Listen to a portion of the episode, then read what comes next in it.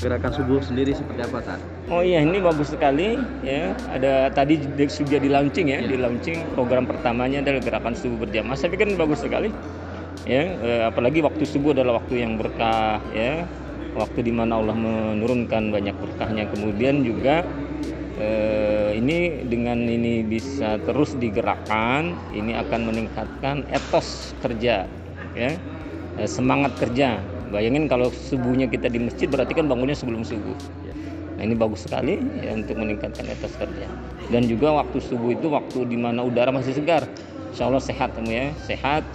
Nah, apalagi di masa covid ini kita kan perlu meningkatkan imun dan iman. Oke. Ya, makasih Tan. Iya. Jelaskan tentang jernang secara umum. Itu istilahnya kita ini kan selama ini kan mengajari masyarakat agar supaya pinter di dalam memilih bibit jernang. Karena sudah banyak kejadian di Facebook Facebook itu orang menanam jernang setelah umur 2 tahun lebih tiga tahun ternyata hasilnya kurang memuaskan. Akhirnya mereka ditumbang ditebang. Itu karena salah beli bibit. Masuk. Makanya kita istilahnya mengajari petani itu biar lebih cerdas bahwasanya jernang itu banyak jenisnya. dan kalau jenis bibit jernang kita di Tokopedia harga buahnya tercantum kan Pak. 950 ribu. Jernang super. Kalau jernang-jernang lain ini harganya. 250 pokoknya. ada yang 60 ribu. Jadi sebenarnya sekarang zaman kan sudah canggih. Iya. karena sudah canggih kita bisa istilahnya lihat di internet atau di Google itu bisa kita tengok jernang seperti apa yang sebenarnya yang, yang mahal atau yang diinginkan oleh investor kita di luar sana. Jadi jangan asal-asal beli jernang saja. Dikarenakan kita asal beli jernang itu nanti kita menyesal setelah sudah sekian tahun.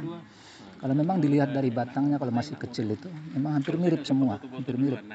Tapi nanti perbedaan batang itu pohon itu tadi setelah dia berumur enam tahun ke atas baru nampak perbedaannya. Oh iya ternyata jernang ini kayak gini batangnya, jernang ini kayak gini batangnya. Makanya kita mengajarkan itu sama masyarakat.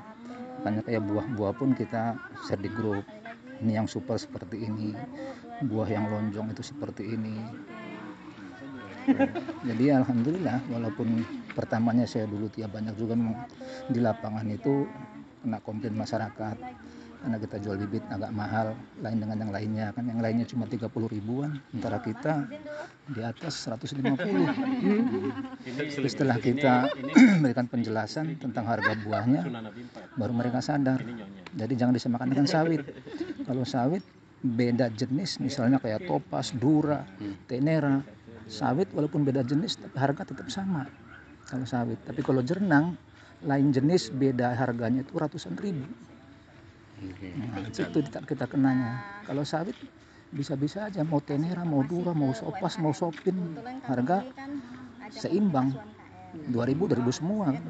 Kalau jernang enggak, jernang gajah yaitu tadi 60 ribuan. Jernang beruang, burung segitu juga. Tansai, tansai memang udah ratusan. 100, 200 sampai 300, sampai ada yang empat setengah. Tapi kalau yang Dragon Blood betul-betul Dragon Blood Super itu tadi Tokopedia tadi 950 kalau yang lonjong kemarin ada toke dari Sungai Pagar datang itu dia meminta buah yang super lonjong itu. Katanya menurut pengakuan petani kita di lapangan itu 2 juta 600 satu kilo. Kalau yang lonjong itu itu yang paling supernya. yang lebih dikenal Dragon King atau Dragon Kurma. dia buahnya lonjong. cuma kalau hitung-hitung hasil kalau menurut pengalaman bos yang udah survei ke lokasi di Aceh sana memang hitungan kalkulasinya sama. Karena yang lonjong ini memang harganya mahal tapi buahnya sedikit isinya tangkainya itu. Jadi istilahnya misalnya yang lonjong ini dapat paling cuma sekilo dua kilo sedangkan yang bulat ini memang harganya agak sedikit di bawah itu tapi tandanannya bisa di atas 5 sampai 15 kilo. Jadi kalau kalkulasi penghasilannya imbang. Imbang.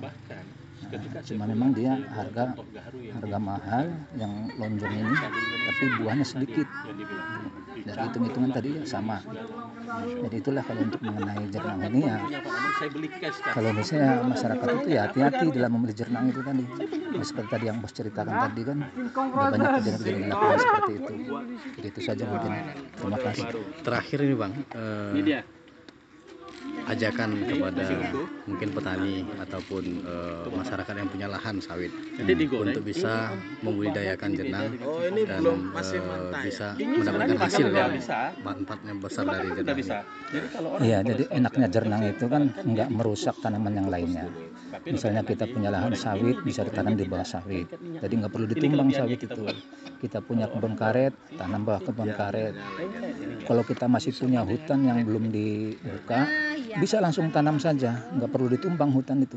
Nah, cukup buka jalur selebar satu meter, langsung kita tanam. Jadi nggak merusak alam intinya jernang ini nggak merusak alam.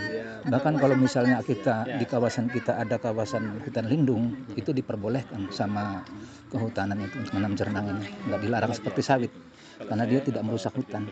Justru bahkan kehutanan itu malah mendukung untuk program jernang ini. Seperti contoh di desa dua tempat kami itu sudah ada dulu itu penanaman jernang di Desa hutan dua lindung daerah mana? Daerah Tandun, Rohul ya, di hutan Suligi itu. Udah ada tuh program kehutanan dulu nanam jernang itu, tapi jernangnya itu tadi kalau kehutanan itu asal jernang saja, nggak pilih itu mau dragon mau apa yang penting jernang. Akhirnya sekarang setelah berbuah, ya nggak bisa dimanfaatkan sama masyarakat, cuma sekedar untuk penghijauan hutan saja. Tuh, makanya kalau kita yang dengan modal uang pribadi dari saku kita ya kalau bisa memilih bibit itu jangan asal-asal biar supaya besoknya kita nggak menyesal kan seperti itu. Mungkin dengan siapa nama abang?